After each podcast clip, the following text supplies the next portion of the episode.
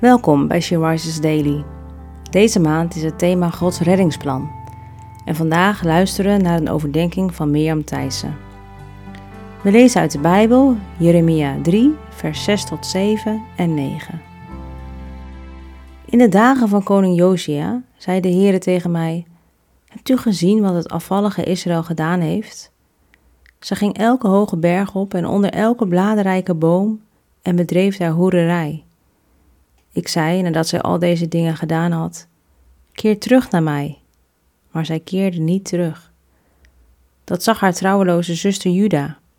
Zo gebeurde het dat het land door haar lichtzinnige hoererij ontheiligd werd, want zij pleegde overspel met steen en met hout. Israël en Juda, afvallig, trouweloos zich van God afkerend en zich wendend tot steen en hout. Hoe kan het toch dat ze de levende God, de scheppende God, verlaten en zich neerbuigen voor handgemaakte levenloze goden?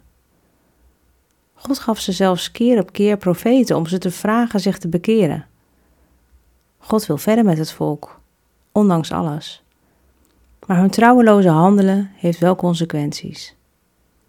Uiteindelijk zal het land verwoest en de bevolking in ballingschap gaan. Wat kunnen wij leren van deze geschiedenis? God wil ook verder met ons. Hij heeft ons Jezus als redder voor onze zonden gegeven.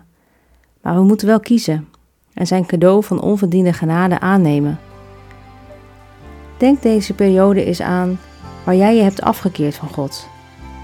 En of je je tijd en aandacht niet te veel in levenloze dingen stopt. We gaan richting kerst.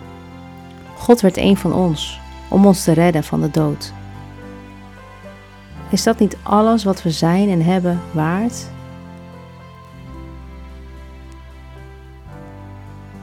Heer, u gaf ons het mooiste wat u had. U gaf uzelf om ons te redden uit de dood.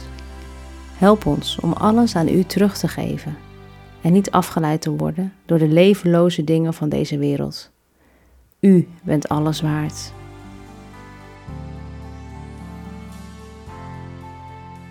Je luisterde naar een podcast van She Rises. She Rises is een platform dat vrouwen wil bemoedigen en inspireren in hun relatie met God.